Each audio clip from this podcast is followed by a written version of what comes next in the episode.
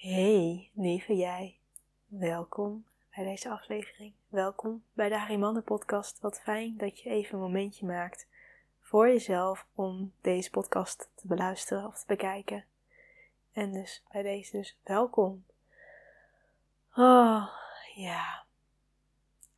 Het onderwerp van vandaag gaat heel erg over eigenlijk één situatie bekijken vanuit verschillende aspecten. En ook kijken van hoe kun je daar naar zelf mee omgaan? Hoe kan je zelf ook op zoek gaan gaan naar ja, de kern, naar waar je op focust en ja, waar je naartoe wilt gaan. En nu ik het allemaal zo uitspreek, denk ik, oh, dat klinkt allemaal zo wazig. Kan het niet gewoon wat duidelijker? Kan het niet gewoon simpeler? Kan je het niet gewoon even recht toe, recht aan vertellen? Nee. Soms lukt dat even niet. En dan hoeft het ook niet perfect te wezen. En de vraag is dan ook vaak: wat is perfectie? En is dat niet ook gewoon één aanzichtpunt van de situatie die je bekijkt? En dan kom ik gelijk weer terug bij het onderwerp van nu. En dat is dat één op losstaande situatie uit verschillende oogpunten als ware kan bekijken. En ehm, als je bijvoorbeeld nu neemt dat ik morgen uh, de eerste kennismakings-mini-retreat ga geven. Overmorgen staat de tweede gepland. Uh, voel ik daar ja, op een bepaalde manier wel een soort van gezonde spanning weer opkomen. Van, oh, gaat het wezen? Hoe gaat de dag vormen? Uh, er komen ook een aantal onzekerheden omhoog van, goh, maar ken ik het wel goed genoeg? Ben ik wel goed genoeg? Kan ik ze wel genoeg meegeven? Is het het wel waard? Um, mag ik mezelf echt die coachrol me toe-eigenen? Mag ik daar geld voor vragen en verdienen? En aan de andere kant denk ik, oh joh, wat, wat een onzin. en deels, eh, de deels gaat het nog steeds in mij op. En aan de andere kant denk ik, ja, maar er is ook zoveel andere aspecten ervan om te bekijken. En om te zien van de huidige klanten, mijn huidige coaches, uh, hoe ik hun help. Dus waarom zou het niet als het deze een andere ja, manier, net een andere insteek het creëer, waarom zou dat niet net zo goed zijn? Ja, dat die mensen die kenden je, deze mensen ken je minder goed. Beide hebben gewoon een keer mij meegemaakt, dus ze weten enigszins wat ze verwachten en instappen. Dus denk ik, oké, laat los. Laat los. En voor mezelf dus heel erg dat ik kijk, oké, maar wat is er ook naast? Dus die gedachten die nog een bescherming willen geven, nog die onzekerheden die er zijn, in welke aspecten kan ik ook op een andere manier naar dezelfde situatie kijken? En kan ik andere punten pakken, ook uit mijn verleden, die eigenlijk het tegendeel bewijzen van de argumenten die ik ook voel, van goh, maar je kent het nog niet goed genoeg en wie ben jij, denk je wel dat je bent? En dat ik denk van, oh, dat is zo niet dienend. Dat is zo mezelf veilig houden en klein houden en bescheiden. En dat houdt me juist safe, absoluut.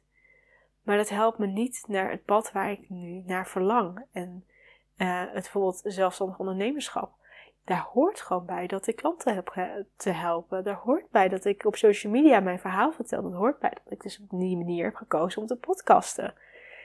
En dus nu ook gekozen heb dat ik video's aan het opnemen ben.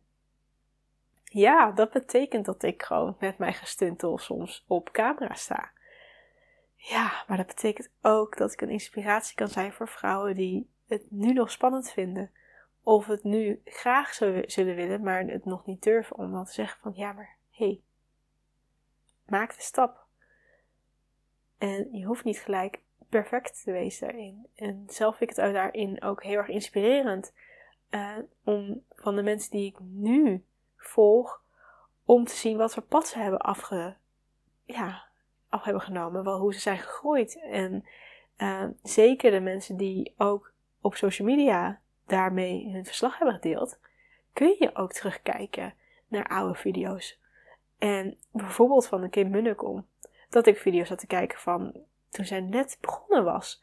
Ja, goh, dat is even heel wat anders dan hoe zij nu uh, op camera overkomt. En nog steeds is het dezelfde vrouw en dezelfde boodschap. Maar je ziet wel dat ze gewoon, ja, ze is 11 jaar of zo, 12 jaar ondernemer. Dat zie je er zeker vanaf, dat dat een heel groeiproces is geweest. En dat ze daarop voort is gaan beduren. En steeds vaardiger is geworden en steeds die next step voor zichzelf heeft gezet. En als ik dan kijk bij andere coaches die ik uh, ambieer en tegenop kijk op een bepaalde manier, dan is het ook in stappen geweest. Dus mag het dan ook op dit moment voor nu, mag het ook dan even gewoon spannend zijn en zeggen van hé, hey, het is een groeiproces. En dat je dus vanuit die situatie er vanuit een soort van andere verschillende brillen naar gaat kijken. En dan kiest van goh, blijkbaar heb ik een bepaalde manier de hele tijd één type zin op repeat staan.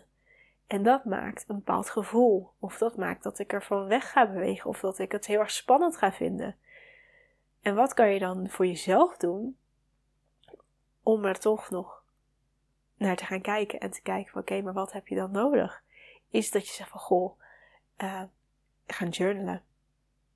Echt alle gedachtegangen ja, uit je laten vloeien en schrijven en te ervaren van wat, wat zit er in het onbewuste nog meer in in het bewustzijn eigenlijk. En dat je kan kijken, oké, wat zit daar voor rode draad zit erin? Of dat je juist zegt, goh, ik ga juist even extra in verbinding komen met mijn lichaam. En wat voor beweging of activiteit past daarbij? Om even dat hoofd, die vaak op een doorgaan manier in een ratelstand staat, om die eventjes iets rustiger te laten komen en iets meer harmonie te ontstaan. En dat je vanuit daar kan kijken, hey, samen in het geheel. Hoe sta je ervoor? Wat heb je nodig? En om even een heel ander uitstapje te maken, want dat was eigenlijk het idee wat ik voor vandaag wil gaan delen. En ook een notitie die ik heb gemaakt in uh, mijn telefoon van, goh, dit is nog een keertje wat ik wil gaan delen met een podcast. Uh, en dat is, in mijn situatie, is mijn gedachte over geld. En ja, mocht je mijn verhaal nog niet helemaal kennen, ik ben opgegroeid als enigskind kind met mijn moeder in de bijstand. Um, even losgelaten van allerlei verschillende trauma's, was dat ook wel een degelijk groot deel van ons leven. Want ik was me heel erg bewust dat wij weinig geld hadden. Ik was me heel erg bewust dat mijn moeder echt alles in, ervoor deed om uh, mij niks tekort te laten komen. Dus ik heb nooit het gevoel gehad dat als ik echt, echt iets wou, dat het niet mogelijk was. Alles was op een manier wel mogelijk. Desnoods spaarde mijn moeder daar jaren, jaren, jaren voor. En kreeg ik dus een, een babyborn terwijl ik eigenlijk zo goed als uit mijn poppentijd was. Ik kreeg wel alles waar ik echt naar verlangde. Maar toch was er wel heel erg het bewustzijn van: oké, we hebben weinig geld, we kunnen niet zomaar iets. Of we moeten heel erg letten op alles uh, wat we uitgeven en alles wat binnenkomt. En dat heeft dus ook gemaakt dat ik heel veel moeite heb gehad om geld uit te geven voor mezelf. Dat ik echt heel strikt was in uh, boodschappen doen. Dat ik ook soms neiging had om bijvoorbeeld niet naar een verjaardagsfeestje te gaan. Omdat ik het zo moeilijk vond om dan nog geld te moeten uitgeven voor de ander. Om een cadeautje te kopen. Terwijl ik het super leuk vind om een cadeautje te maken en in te pakken en te geven.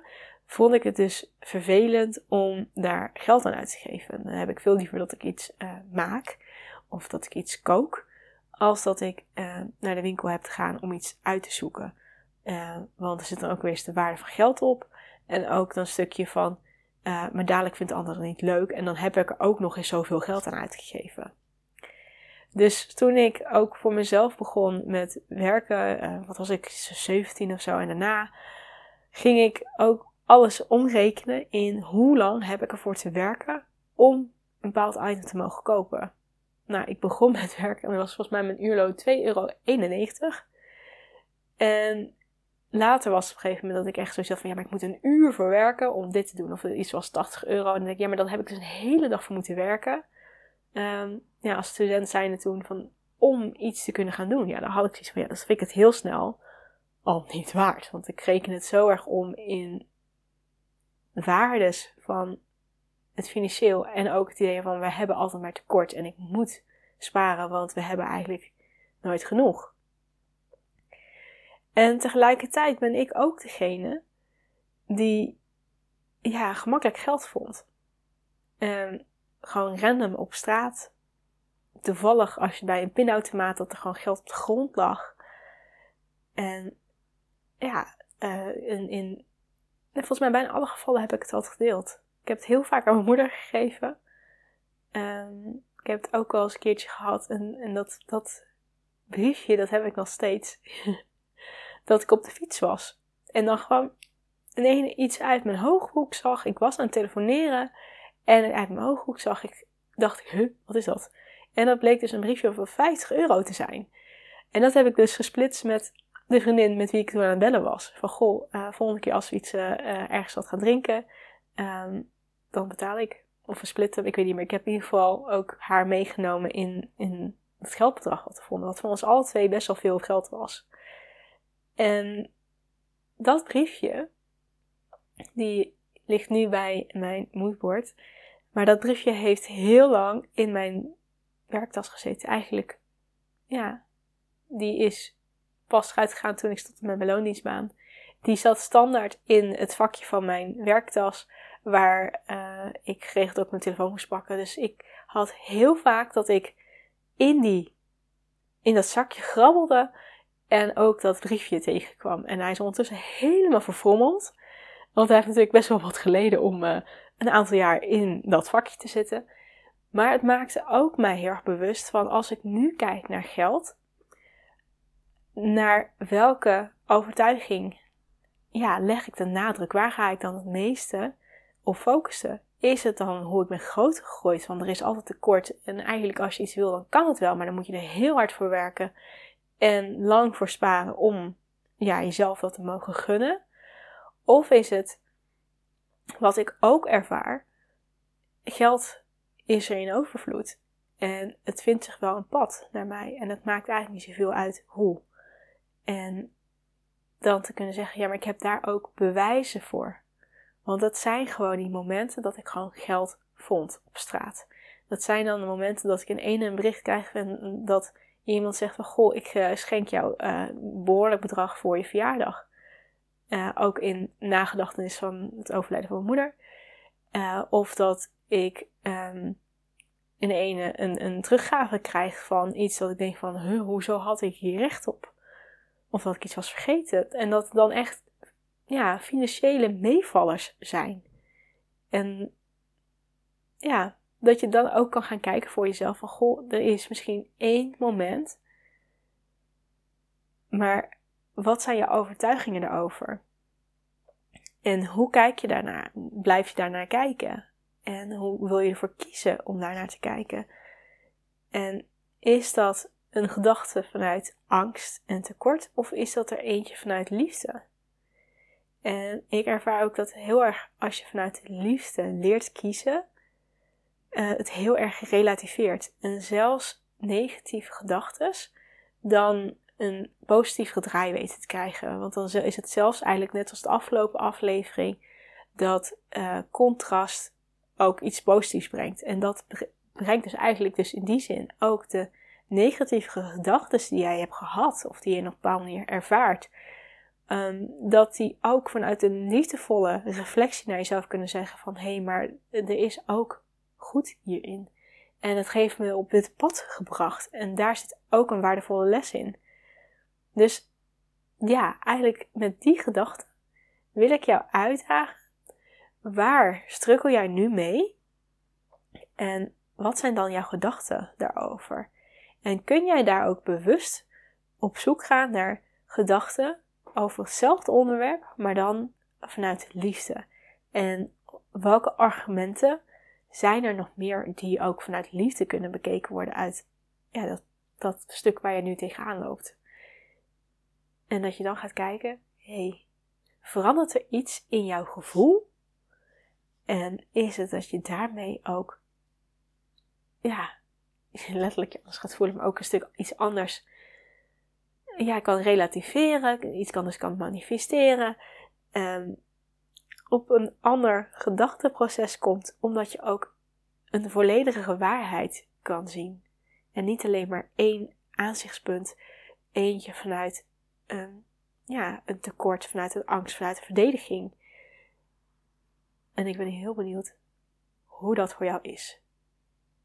Oké. Een lekkere korte aflevering. Ik wil het daarbij laten. Laat me ook weten als jij hier uh, gedachten over hebt. Als jij hier nog vragen over hebt, dan neem ik je graag mee in, nou, whatever jouw vraagstuk is, om hierop te reageren. En ja, laat me ook vooral weten als jij een, ja, een overtuiging echt hebt geshift en wat bij jou daarin het omslagpunt was. Welke gedachten daarvoor jou hebben geholpen? Oké, heel veel liefs en graag tot een volgende aflevering. Oké, doei doei!